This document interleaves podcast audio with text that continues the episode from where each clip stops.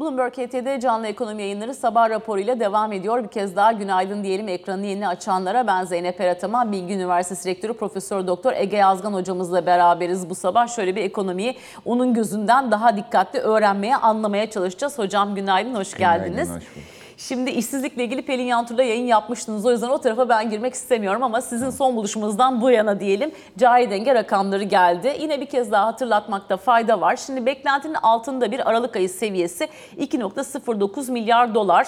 Ee, Bloomberg terminalinde 3 milyar doların üzerinde bir beklenti vardı. O yüzden beklenti altında kaldı diyorum. Aralık ayında cari açığa işaret etti. Altın ve enerji hariç kalemde ise 4.1 milyar dolarlık bir fazla verildiğini görüyoruz.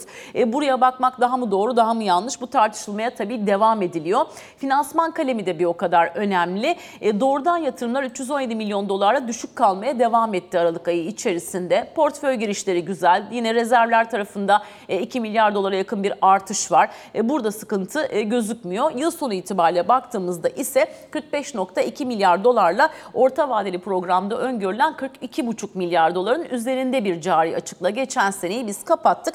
E, ekonomi Sarık Bürümcekçi bu seneden 30 ila 35 milyar dolarlık bir cari açık beklerim demiş bu sabahki değerlendirmesinde. Bir de tabii net hata noksanı da atlamamak lazım. O 45.2 milyar doların kabaca 10 milyar dolarlık kısmı net hata noksan gözüküyor finansman kaleminde. Hem hocam cari denge ile ilgili e, bu kompozisyonu ve bu seneden beklentilerinizi merak ediyorum. Hem de finansman kalitesini de belki biraz konuşmak lazım. Mesela yabancı yatırımları niye bu kadar düşük kalıyor? Net hata noksan bu finansmanın niye hala bu kadar yüksek bir yüzdesini oluşturuyor? Şöyle bir hem hani yapısal tarafına hem rakamsal tarafına bu sabah e, tur atalım mı hocam? Tamam, çok teşekkürler. Şimdi öncelikle bir e, son çeyrek diyelim ya da e, bu Aralık ayı rakamı ama bütün yılda gelmiş oldu böylece ne. Son çeyreğe doğru biraz e, cari dengede bir hafif de olsa bir iyileşmenin olduğunu tespit edebiliyoruz. Yani ne demek iyileşme dediğimiz zaman aslında biraz harcama tarafında yani ithalat tarafında hafif bir e, düzelme söz konusu. Çünkü bütün bu e, cari işlemler dengesine baktığımız zaman özellikle 2022'den bu ya 2022'nin sonu 2023 e, 2000 e, bütün o dönem daha doğrusu şöyle diyelim bizim e, bu e, şey uyguladığımız dönem e, faiz politikasını, düşük faiz politikasını uyguladığımız dönemde Heterodoks dönem. Evet, heterodoks dönem diyelim isterseniz. Ee, o dönemde cari denge ciddi bir bozulma e, gösterdi. Ee, bunu görüyoruz. Ee, çünkü esas bunun altında yatan endişe verici taraf, finansman tarafını bir tarafa bırakalım. Finansmanda zaten e, özellikle bir değişimi 2018 sonrasında yavaş yavaş görmeye başlamıştık. Yani portföy yatırımlarında ciddi bir e, azalma var. Tamam, farklı biçimlerde finanse edilmeye devam edildi e, cari işlemler dengesi ama portföy yatırımlarında ciddi bir e, azalmayı gördük. Şimdi orada O bir zaman Bloomberg mesela Türkiye yatırım yapılamaz ülke diye başlık atıyordu. Şimdi tekrar yatırım yapılabilir ülke diyor. Dolayısıyla orayla karşılaştırdığımızda bambaşka. Evet şimdi orada bir orada bir iyileşme o anlamda Tabii. portföy tarafında var ama e, bu tabii bizim e, e, tabii ki sizin de dediğiniz gibi e, net hata noksanın payı çok yüksek. E, e, şey e, sabit sermaye yatırımları zaten e, orada bir zayıflık söz konusu. Yani istediğimiz bir finansman e, yapısı değil bu. Ama şunu da söyleyelim. e, kısa vadeli sermayenin gelişi de e, biz finansman açısından en azından kısa vadede bizim için son derece önemli. Her ne kadar bu e, kısa vadeli diye e, ya da işte hemen gidebilecek sermaye gibi görülse de aslında bunu e, da kalıcıya dönüştürmek bizim ekonomi politikasıyla elimizde olan bir şey. Gelmiş olan sermayenin hemen çıkması söz konusu olmaz. Biz kalıcı biçimde e, portföy yatırımı getirebilirsek de bu da sağlıklı bir finansmana işaret eder Yani ama borsamıza emeklilik fonları falan gelsin istiyoruz biz Tabii. değil mi aslında? Elbette. Yani e, tabii e, sabit sermaye yatırımı tarafı ayrı ama o daha uzun vadeli bir e, perspektif sağlamak gerekiyor sermayeye. O anlamda orada değiliz henüz ama hiç olmazsa portföy yatırım tarafını düzeltebiliriz diye düşünüyorum ki o düzelmeye de başladı. Şimdi cari dengenin esas önemli olan tarafı hem enflasyonla e, ilgili olan da bir tarafı. Bu e, or, tüketimle alakalı olan kısmı ya da şöyle diyelim daha doğrusu beklentilerin, enflasyon beklentilerinin bozulmasıyla beraber e, hem ithal malına olan e, talep hem dövize olan talep hem de e, altına olan talebin yükselmesiyle bozulan bir cari denge var karşımızda. Aslında e, enerji faturası da e, Covid sonrasında çok yükseldiği için şimdi biz cari dengeyi bütün bunlar bir arada beraber cari dengede büyük bir bozulma görüyoruz. Şimdi orada mutlaka düzelmesi lazım. Çünkü düzelmediği zaman bizim içeride başarılı bir dezenflasyon politikası uygulamamız mümkün değil. Bu, bu talebin de bir göstergesi. İthalatın e, bu kadar yüksek olmasını. İthalatta ki çünkü e, rakamlara bakacak olursanız Covid öncesi rakamlarıyla karşılaştırdığınız zaman inanılmaz yüksek ithalat rakamları var. Bu bizim heterodoks dönemde de yarattığımız bir şey. Biraz önce bahsettiğim gibi ithal malına olan yönelme açısından. Şimdi burada bir düzelmeyi göreceğiz gibi görünüyor. Altın özellikle. Çünkü e, bu e, düşük faiz işte sizi enflasyona karşı korumuyor. Onun yerine yönelebildiğiniz kadar mala, dövize veya altına yöneliyorsunuz. O altın talebinin kesilmesi ve ithalatın e, enflasyonu düşürmeye izin verecek bir düzeye doğru talebi doğru çekebilmesi bu açıdan önemli. Şimdi e, bunlar bu açılardan baktığımız zaman bir cari dengede bir düzelmeye doğru gittiğimizi düşünüyorum doğrusu. Ama bu politikanın kalıcı olarak devam etmesi gerekiyor. Hem finansman tarafı açısından önemli, portföy yatırımları açısından önemli. Hem de ithalat talebini ve bu yönelimi, zaten enflasyonu, bu yönelimi değiştirmediğiniz zaman enflasyonu da düşürmek mümkün olamayacağına göre o tarafta da bir e, dengelenmenin sağlanması önemli. Şimdi ihracat kısmı ayrı değerlendirmemiz gereken bir şey. Çünkü o tarafta gidebileceğimiz ciddi bir yere geldi aslında ithalat ama kompozisyonu istediğimiz gibi değil. Çünkü e, daha ihracat ihracat tarafından bahsediyorum. Yani Evet. daha katma değerli ürün ihraç etmemiz lazım ama e, toplam yekün olarak baktığınız zaman ihracatın geldiği yer e, geçmişte karşı e, karşılaştırdığınız zaman ciddi bir rakama tekabül ediyor. Şimdi e, bir de şu konu var. Tabii e, acaba biz ihracatı işte döviz kurunu değersizleştirerek, TL'yi değersizleştirerek arttırabilir miyiz, arttıramaz mıyız tartışması da söz konusu. Şimdi O tartışma bitmiyor zaten de Tabii, Bakan Şimşek evet. rakamsal örnekle cevap vermeyi tercih etti. Evet şimdi ama bu, burada önemli olan şey şu. İç talep bu kadar canlıyken zaten yani bu kadar ve faizler o düzeydeyken vesaire sizin zaten orada başarılı olmanız çok mümkün değil. O kadar kolay.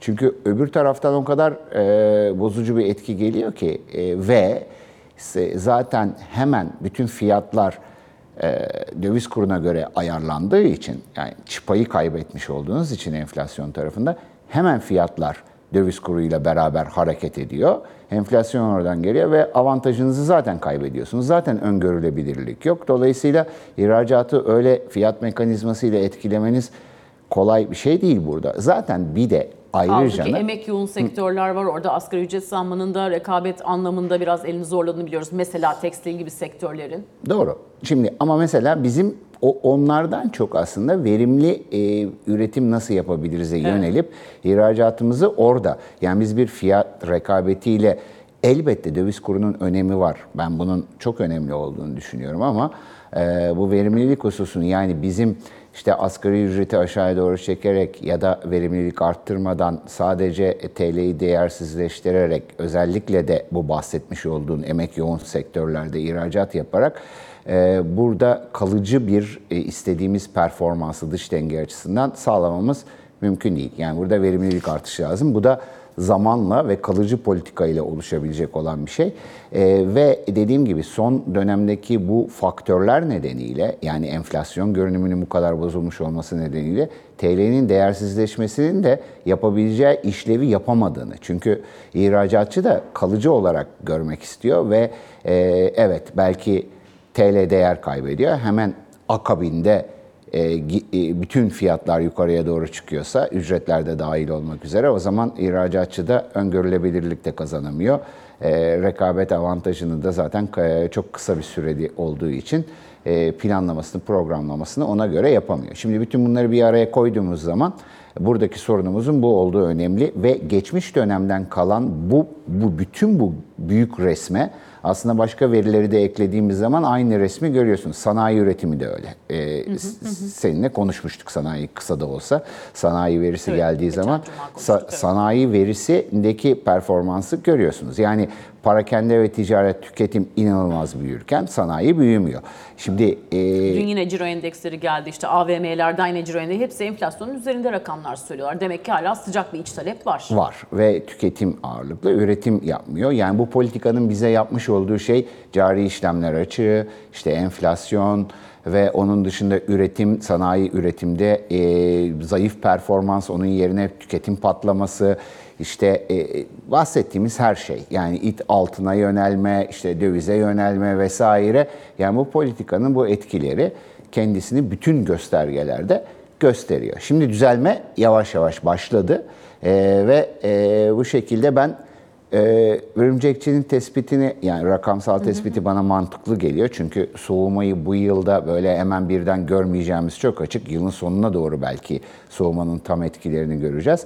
30-35 milyar dolarlık bir cari işlemler dengesi o dengelenme açısından e, gideceği yer. Ama bizim istediğimiz daha da aslında biraz daha da e, e, dış talebin yani ithalatın enflasyonu da aşağı çekmesi açısından biraz daha düşürerek bu cari dengenin biraz daha e, iyileşmesini sağlamak olabilir.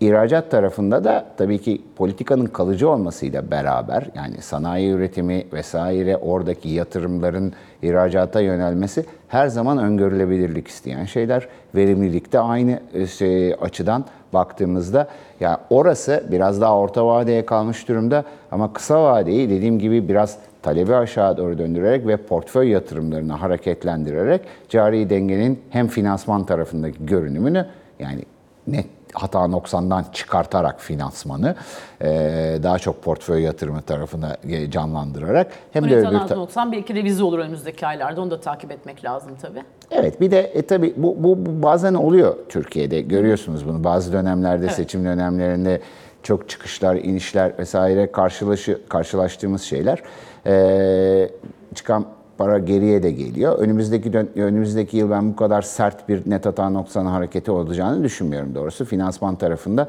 daha güçlü bir portföy yatırımı olacağını ama e, şey e, sabit sermaye yatırımı tarafında ise e, henüz e, beklediğimiz kadar sabit sermaye yatırımı alamayacağımızı bu yılda düşünüyorum. Ama orada da hareketlenmeler olacaktır e, tabii ki. Özellikle de Körfez bölgesiyle ilgili olarak çalışmalar var. O çalışmalar sonuç verirse orada da bir iyileşmeyi görme ihtimalimiz var. Ama dediğim gibi esas e, kalıcı politika devam eder ve e, 2025'te esas e, meyveleri o zaman almak söz konusu olabilir böyle bir politikanın.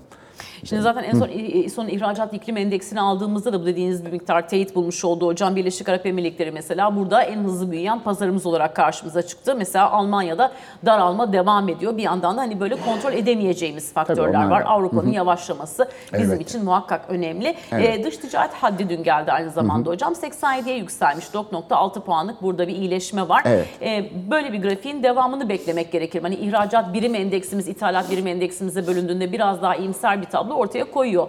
Ee, bu hamleler sürer mi? Çünkü mesela zirve noktalardan hala uzağız burada aslında. Bu güzel. Yani Evet. çünkü esas biraz önce bahsettiğimiz dönemle ilişkili olarak şimdi her şey üst üste geldi. Hani heterodoks politikanın etkileri bir, talebi canlandırması, üretimi düşürmesi, e, ithalat talebini arttırması, altın talebini arttırması vesaire. Ama onun yanında onunla beraber hepsi bunların beraber geldiği zaman bir de dış ticaret adlarındaki bozulma da var zaten. E, bu hemen Covid sonrasında da gördüğümüz bir şey. Daha önceden de gördüğümüz bir şey. Dış ticaret adlarındaki bu e, bozulma biraz konjonktüreldi ve dolayısıyla bir düzelmeyi bekliyorduk ve onun olmaya başlaması da bizim açımızdan önemli. Hem bu e, TL'nin belli ölçülerde değersizleşmesinin ihracat üzerindeki olumlu etkisini hem de ithalat üzerindeki e, ithalatı da azaltıcı etkisini görmemiz açısından da önemli. E, yani bu bunun devam edeceğini ben düşünüyorum doğrusu. Bir parça daha bizim lehimize doğru e, gidecektir diye düşünüyorum. Evet. Şimdi hocam diğer tarafta da ithalat aşkı bitmiyor diye bugün Cumhuriyet Gazetesi'nde haber vardı. E, onlar daha çok gıdadan yola çıkmışlar ama hemen söyleyelim et, limon, ayçiçeği gibi ürünlerin ardından yeşil mercimekte de gümrük vergisi sıfırlandı e, demişlerdi Cumhuriyet'in bugünkü haberinde. Yeşil mercimek fiyatlarının seçim sonrası %135 artması üzerine hükümet yine ithalata yöneldi. Üretici maliyetlere ve desteklemelerdeki yetersizliğe dikkat çekti diyor Cumhuriyet. Bir diğer gıda haberi de tarım borsasına ilişkin ekonomi gazetesinde var. E, tarım borsasında, e, tarım piyasasında fiyat belirsizliğinin azalması için adımlar atılıyor. Aracı kurumlu bir sisteme geçiliyor demişler. Burada da yine pek çok gıda ürününü yine e, sıralamak mümkün ekonomi gazetesinde. E, biz çözümü hani gıda enflasyonundan da yola çıkabiliriz gerçi. Orada da işte Merkez Bankası'nın tahmininde 4-5 puan yukarıda ama yine %30'larda kalan bir gıda enflasyonuyla bu seneyi kapatacağımız öngörülmüştü. Ne dersiniz hocam? Biz çareyi niye hep ithalatta arıyoruz? Gıda enflasyonumuzu düşürmek için yapısal ne yapılabilir? Dünyadan niye bu kadar ayrışıyoruz? Biraz o tarafı da açalım mı bu vesileyle? Tamam. Şimdi e, evet gıda e, hem enflasyon açısından hem de e, yani bu sürdürülebilirlik açısından e, önemli bir konu. Biz orada e, üretimde ciddi bir e, zafiyetimiz var. E, çünkü bu, bu da onun göstergesi. Bu karar niye alınıyor? Çünkü içeride e, ki arz yetersizliği ve talep fazlalığı nedeniyle şimdi burayı şundan ayırmak lazım ama yani gıda talebini e, bu biraz önce heterodoks politikanın etkileriyle gıda talebi artmıyor tabii. Yani hani o başka bir şey. Çünkü orada altın talebi böyle arttı diyebilirsiniz efendim. Dayanıklı Tabii, tüketim tabii. malı şu bu ama gıda öyle değil. Gıda talebi gerçek bir talep. E, Dolayısıyla zaten o o e, perspektifte değerlendirmememiz lazım. Şimdi demek ki ciddi bir talep var, gerçek bir talep. Ee, yani böyle bir politikayla oluşmuş bir suni bir talep değil. Dolayısıyla demek ki arz gerçekten yetersiz. Ee, burada onu görüyoruz. Yani burada ihtiyacımız olan talebin talebin azalmaması, olduğu yerde kalması. Tabii bu talebin son zamanlarda artmış olmasının kentleşme, içeriye aldığımız göç vesaire bunlarla da ilgisi var doğal olarak. Ama ne olursa olsun bizim arzımız orada yetersiz. Arz yetersiz olduğu için fiyatların bu kadar yukarıya doğru gitmesini engellemek için de ithalatla dengeleme yapılmaya çalışılıyor. Gümrük vergileri indirerek işte içeride biraz onu ama öbür taraftan da e, bu istediğimiz bir, bir şey olmasa da yapılmak zorunda olan bir şey. Çünkü siz şimdi e, böyle bir gıda enflasyonuyla karşılaştığınız zaman hemen arzı arttırıcı önlemleri devreye sokup sonuç alamıyorsanız ithalata bu şekilde gümrük vergilerini indirerek biraz orayı dengelemeye çalışıyorsunuz. Bunun faturası ne olacak tabii ki? Bunun faturası ithalatta bir gıda artışı olacak. Evet. Ama buna katlanabilirsiniz. Bu dediğim hani altın gibi ya da dayanıklı tüketim malları ya da döviz talebi gibi değerlendirmeniz gereken bir şey değil. Bu, o, çünkü bundan ayrı. Şimdi ama yapılması gereken ne? Tabii ki e, gümrük vergilerini yukarıya çekerek içerideki verimsiz üreticiyi de korumak değil doğal olarak ama e, ne olursa olsun bizim bir ciddi bir e, burada üretim politikasına ihtiyacımız var. Bu arada şunu da söylemekte fayda var. Bu e, ithalatı e, gümrük vergileriyle korumak tarım için çok sıkça da uygulanan bir politikadır. Yani söylediğimde bu anlamda e, o şekilde anlaşılmasın. Şu anda enflasyonla mücadele kapsamında bunu uygulamak doğru ama siz tarımı kapsamlı olarak üreticiyi bir süre desteklemek için pekala tabii bütün ülkelerde bunu yapar. Tarım açısından tarımda özellikle o belli üreticileri koruyabilirsiniz. Yeter ki bunu bir plan program dahilinde uygulayabilirsiniz. O tarafımızın eksik kaldığı açık ve e, arada da bir önlem olarak bu gerçekleştirilmiş durumda. Şu aş- şu aşamada uygulanması açısından doğru buluyorum doğrusu. E, çünkü e, şey gıda enflasyonu son derece önemli. Zaten bu dediğimiz dönemde bütün bu etkilerin yanında bir de gelir dağılımında ciddi bir bozukluk oldu. E, dolayısıyla e, gıda enflasyonunda bu gelir dağılımı bozukluğu bir de üzerine bindiği zaman etkileri çok yıpratıcı olabiliyor. Kesinlikle. E, e, çaresiz yapılması gereken bir şey. Bir şey daha eklemek Etkileri istiyorum. pizzaya kadar her tarafta görüyoruz bu arada. Evet, Yani o evet. beslenme eksikliğinin çocuklarımızın üzerindeki etkileri falan. Dolayısıyla bu hani Sağlıksız bugünün beslenme. gıda enflasyonu konusu değil. Tabii sağlıksız beslenme vesaire. Bu arada tabii tam bunlar çok Sağlıksız, güzel. yetersiz. E, yetersiz, sağlıksız beslenme. Şimdi bunlar sizin çocuklarınız zaten en önemli sermayeniz, beşeri sermayeniz. Dolayısıyla biz ne, e, bir sonraki neslimizi böyle e, bir şeyle e, a- a- Sınavla karşı sınavla karşıya karşı karşıya gibi. bırakmamız hoş bir şey değil tabii ki. E, dolayısıyla orada bunu e, uygulanması doğrudur ama dediğim gibi burada tarımda e, üretimi arttırıcı kapsamlı politikalara derhal bir an evvel uygulanmaya konmasına ihtiyacımız var. Tedarik zinciriyle ilgili problemler var. Problemlerin e, e, sayısı çok ama üretimin artması gerektiği de çok net, açık. Peki hocam bunu çıktı açığı grafiğinden okuyabiliyor musunuz? Bir de o tarafa bakalım isterseniz. Çünkü biz enflasyonla ilgili hedefimizi daha doğrusu tahminimizi değiştirmedik. %36 dedik bu sene sonu için. Ee, öyle deyince esasında belki 40'a gidecek bir enflasyon için bile hani iddialı bir hedef koymak daha sıkı duracağım anlamına gelebilir. Ee, ekrana da geldi hatta hocam dezenflasyon süreciyle ilgili tahmin değişmedi diye son enflasyon raporundan. Ee, buraya baktığınız zaman e, para politikası ne kadar sıkı, ekonomide ciddi bir soğuma beklentisi içinde olmak lazım mı? Çünkü siz de söylüyorsunuz üretimin artması lazım ama bir yandan iç talebin baskılanması lazım. Şimdi buradan o tabloyu okuyor musunuz? Eğer okuyorsanız hangi tarihten sonrasına tekabül edecek? İsterseniz burayı da bir değerlendirelim. Bir 5 dakikalık süremiz kaldı. Tamam. Şimdi hemen o, o- orada söyleyeyim. Şimdi tabii ki üretimi arttırmamız lazım ve ama talebi de e, baskılamamız lazım. Son söylediğin gibi. Çünkü neden? Enflasyonu düşürmemiz lazım. Talep tarafı o açıdan önemli. Talebi baskılayalım derken burada yani e, ihtiyaç ve e, bu e, beslenme vesaire gibi ihtiyaçlardan kaynaklanan talepten talebi kastetmiyoruz. Tekrar tekrar altın çizme işte gereğini odur, duyuyorum. barınmadır, bunları Evet, kastetmiyoruz. bunları kastetmiyoruz. Ee, çıktı açı konusunda da e, bunu düşürmemiz tar- e, o tabii ki mutlaka gerekiyor ki enflasyonu kontrol altına alalım ki enflasyon kontrol altına alınabilsin ki öngörülebilirlik olsun ki o zaman üretim artabilsin.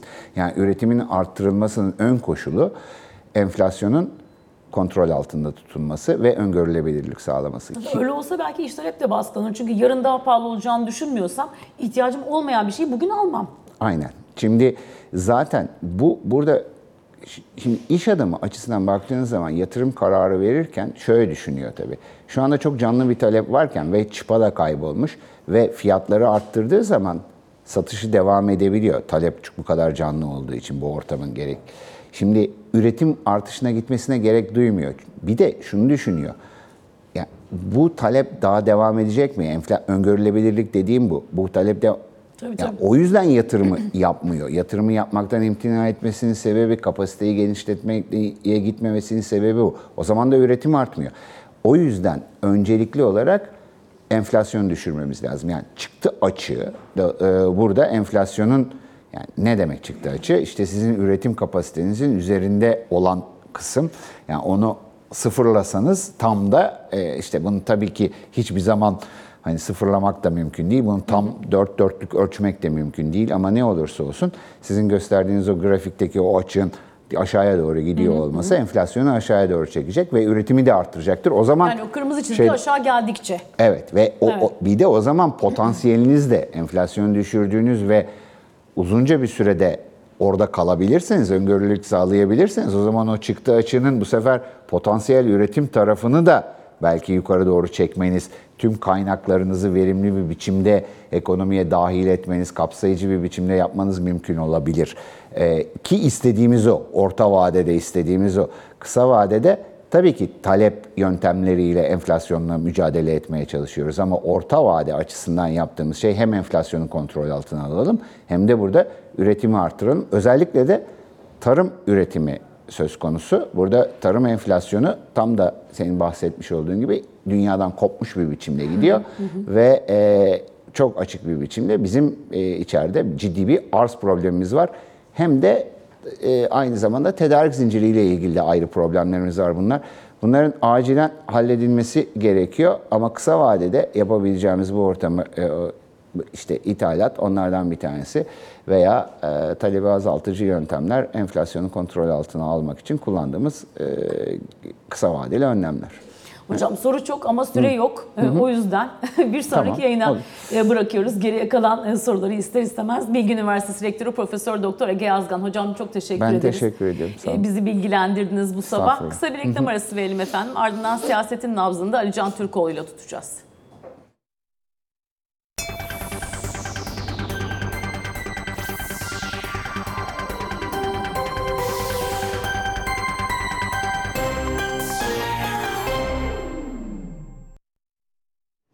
Sabah raporuna bu defa da siyasetle devam ediyoruz. Bloomberg KT Genel Müdürü Ali Can Türkoğlu her sabah olduğu üzere sabah raporunda Ali Can günaydın. Yayınlar. Şimdi biz de ilk sözde elimizi açarken bahsettik. Erzincan'da tabii toprak kayması sonrası altın madeni civarından gelen tüm haberleri takip etmeye çalışıyoruz. Son durumda anladığımız kadarıyla hala 9 kişiye ulaşılamıyor. E, ama bölgeye ilişkin işte yardım, arama, kurtarma sevkiyatının devam ettiğini takip ediyoruz. Yine Cumhurbaşkanı'nın konuyla ilgili bilgilendirildiğini biliyoruz. Farklı bakanlıklardan da tabii açıklamalar geliyor. Evet ne yazık ki e, dünden bu yana 9 kişinin arama çalışmalarının devam ettiğine yönelik e, de açıklamalar geldi resmi makamlardan da. E, bir an önce iyi haber alınsın diye ümit var. E, bildiğim kadarıyla AFAD ve ilgili bakanlıklar düzenli açıklama yapıyor bölgedeki Evet. çalışmalarla e, ilgili. Yakın zamanda iyi bir haber alırız diye ümit var bütün Türkiye'de. E, tüm Türkiye bir kez daha geçmiş olsun. E, haberler geldikçe biz ekranlarımızda aktarmayı sürdüreceğiz konuyla ilgili.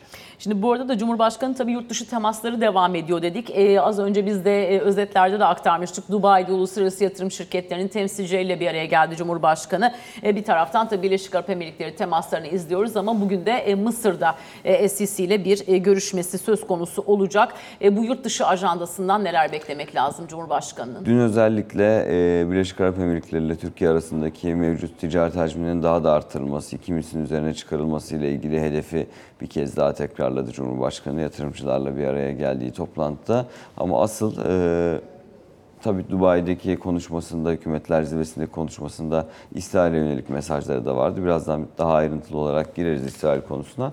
Ama asıl gerçekten... Orada da Amerikan Kongresi'nden fonlamada geçmiş bu arada onu Evet, da fon- belirtelim. hem fonlama Ukrayna geçti. hem İsrail için. fonlama geçti ama bir yandan da Amerika tarafından İsrail'e özellikle refahla ilgili aldıkları karara yönelik e, daha karşı tarafta olduklarına ilişkin açıklamalar da gelmeye devam ediyor. Şimdi bugün Mısır'dan verilecek mesajlar önemli. Aslında zaten birçok başlıkla ilgili olarak bugün Sisi Erdoğan görüşmesinin çıktıları bekleniyor. Neden? Ee, bir kere zaten işte 2013'ten bu yana temasın gerçekleşmediği yani karşılıklı gitmenin gelmenin olmadığı iki ülke ilişkilerinin tekrar e, pozitif noktaya evrilmesinden bahsediyoruz. Hem Türkiye açısından hem Mısır açısından hem de bölgesel açıdan. Çünkü birçok konuda, bölgesel birçok konuda e, Türkiye ve e, Mısır'ın nasıl hareket edeceği aslında diğer aktörlerin de hareketlerini belirleyebiliyor. İşte bunlar Doğu Akdeniz bunlardan birisiydi mesela zamanda. Libya konusunda Türkiye ile Mısır'ın farklı taraflarda olduğunu biliyoruz. Ancak çok yoğun bir Libya, Libya diplomasisi de yaşandı ki bildiğim kadarıyla Dubai'de e, Libya'nın geçici hükümetinin başkanıyla bir araya da geldi Cumhurbaşkanı Erdoğan. Dolayısıyla bugün bir Gazze konusunda e, ne gibi değerlendirmeler yapılacak? Çünkü hem Mısır'ın hem Türkiye'nin arabuluculuk kapsamında görüşmeler yaptıklarını biliyoruz. Şimdi dün son gelen bilgi Kahire'de e, Mısırlı yetkililerin hem Katar Başbakanı'yla hem CIA'nin direktörüyle hem de İsrail basının iddialarına göre Hamas'ın ve İsrail'in e, iç ve dış istihbarat sorumlularıyla bir araya gelindiği bir dörtlü toplantı yapıldı ayrı ayrı da olsa. Ee, ve bu toplantıda işte bu ara buluculuk çabalarına daha doğrusu geçici ateşkes ve esir takasına yönelik ne noktada olunduğuyla ilgili olarak görüşmelerin yapıldığı söyleniyor. Buradan Amerika'ya bağlayayım. Neden? Çünkü Biden'ın açıklamalarında da Ürdün Kralı ile yapmış olduğu görüşmedeki açıklamalarda da Biden İsrail ile Hamas arasında en az 6 hafta sürecek bir insani ara üzerinde çalışmalarımızı yoğun bir şekilde sürdürüyoruz demişti. Buradan da CIA direktörünün Mısır'daki temaslarının tamamen bununla alakalı olduğunu söyleyebiliriz. İsrail'in bir plan olmadan refaha saldırma kararının doğru bir karar olmadığı düşüncesi hem Biden tarafından hem de askeri ve stratejik yetkililer tarafından e, Amerika Birleşik Devletleri tarafındaki e, açıklandı. Dünden beri de bu konularla ilgili açıklama geliyor. Dolayısıyla bir bugün Sisi Erdoğan toplantısı sonrası yapılacak basın toplantısı ki bu bir basın toplantısı yapılması öngörülüyor. Burada İsrail'e yönelik ve özellikle refah e, kararına yönelik açıklamalar gelmesini bekliyoruz. Onun dışında e, ekonomik ve ticari ilişkiler kapsamında Türkiye ile Mısır arasındaki ticaret hacminin 15 milyar dolara çıkarılması yönündeki hedef bugün tekrarlanacaktır. Dediğim gibi Libya konusu, Doğu Akdeniz konusu belki kamuoyuyla paylaşılacak e, net e, elimizde veriler olmasa bile toplantı sonrası da olmayacak olsa bile bu konuların da içeride gerek heyetler arasında gerek liderler arasında konuşulacağını tahmin ettiğimi söyleyeyim. Dolayısıyla ben bugün Kahire'den gelecek e, mesajların oldukça önemli olduğunu düşünüyorum. Yurt dışı anlamında da dediğim gibi hem bölgesel politikalar hem de özellikle e, İsrail politikası anlamında artı iki liderin beraber fotoğraf veriyor olması da bundan sonraki süreçte en son 7 Şubat 2013 Abdullah Gül ziyareti ondan sonra yapılan ilk ziyaret. E, bu kapsamda oldukça önemli olduğunu söyleyebilirim. Türkiye'nin de özellikle Dışişleri Bakanlığı'nın da e, Mısır'la ilişkilere özel bir önem verdiği ve buradaki pozitif evrilmenin e, Türkiye dış politikası açısından da önemli olduğunu e, yönündeki yorumlarını da söyleyeyim.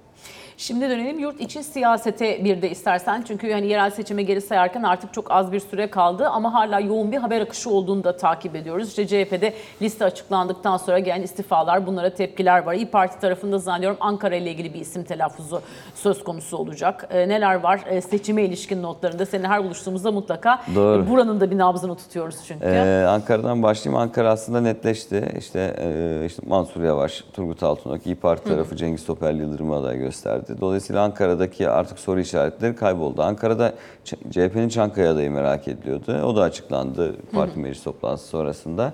Ee, özellikle İstanbul'daki ilçelere yönelik Cumhuriyet Halk Partisi'nde beklentiler çok yüksekti. Hem başvuru çok yüksek hem e, Cumhuriyet Halk Partisi'nin tırnak içinde oy potansiyelinin en yüksek olduğu. Dolayısıyla e, bu ilçelerde kayıp olmayacaktır düşüncesinin de en fazla olduğu yerlerde hem aday sayısının fazla olması hem CHP'deki yönetim değişikliği sonrası işte eski yönetimi destekleyen isimler, yeni yönetimin yanında olanlar, e, İstanbul Büyükşehir Belediye Başkanı ve Başkan adayı Ekrem İmamoğlu'nun e, önerdiği veya desteklediği isimler yani parti meclisi aslında CHP parti meclisi çok e, koldan kuşatılmış bir şekilde bir toplantıya girdi diyebilirim. Partinin kendi içindeki yetkilileri kastediyorum kuşatanlardan. Dolayısıyla çok uzun süren çalışmalar sonrasında adaylar açıklandı. Bu Tabii- arada e, Ankara derken ilçe adayları için bugün Meral Doğru. Akşener'in bir tanıtım törenine Doğru. katılacağını yani görüyoruz. e, İyi Parti'nin e, Cengiz Topel Yıldırım dışında yani Büyükşehir Belediye Başkanı adayı dışındaki ilçelerle ilgili adaylarıyla ilgili bugün bir toplantısı var. Evet. Bu kapsamda Cumhuriyet Halk Partisi'nde zaten bu tartışmaların olması bekleniyordu. İstifalar olur mu olmaz mı sorusu önemli isimlerin istifa ettiğini görüyoruz. Yani mevcut şu anda görevde olan iki belediye başkanı, Adana'nın ilçe belediye başkanları e, Çukurova ve Seyhan ve mesela uzun süredir Cumhuriyet Halk Partisi içinde çok çeşitli görevlerde bulunmuş. Gürsel Tekin'in dün istifa kararını açıkladığını duyduk. Gelir mi istifa kararları? Gelebilir. Ancak e, genel merkezdeki e, genel kanı evet bir süre bu yönde sıkıntılar yaşanacaktır. Ancak ki Ekrem İmamoğlu'nun cümlelerine de yansıdı bu. E, ancak belirli bir süre sonra e, Cumhuriyet Halk Partisi içinde bu tartışmalarda geçer, gönüller alınır ve yola devam ederiz yönündeki yorumları daha fazla yapıyorlar. Dolayısıyla evet tartışmalar var. Önümüzdeki birkaç gün daha bu tartışmaları biz muhtemelen göreceğiz. Çünkü bazı iller ve ilçelerle ilgili de- değişim olması gerektiğini savunan isimlerin olduğu söyleniyor. Başta Hatay olmak üzere. E, Hatay Büyükşehir Belediye Başkanı ve Başkan adayı Lütfü Savaş'ın isminin değişmesi gerektiğini savunan CHP'liler ve devam etmesi gerektiğini savunanlar da var. Dolayısıyla hareketlilik devam edecek. Şöyle söyleyeyim 20 Şubat aday listelerinin e, 20 Şubat saat 17 aday listelerinin e, seçim kurullarına teslimi için son e, tarih. Dolayısıyla biz önümüzdeki bir hafta boyunca da e, 20 Şubat'a kadar bu listelerdeki tartışmalar, sıkıntıları dinlemeye devam edeceğiz gibi gözüküyor. Böylelikle sabah raporunun Ali Can Türkoğlu ile birlikte sonuna gelmiş olduk efendim. Ee, kısa bir reklam aramız var. Ardından e, yatırım bülteniyle Pelin Yantur sunumuyla ekranınızda olacak. Hoşçakalın.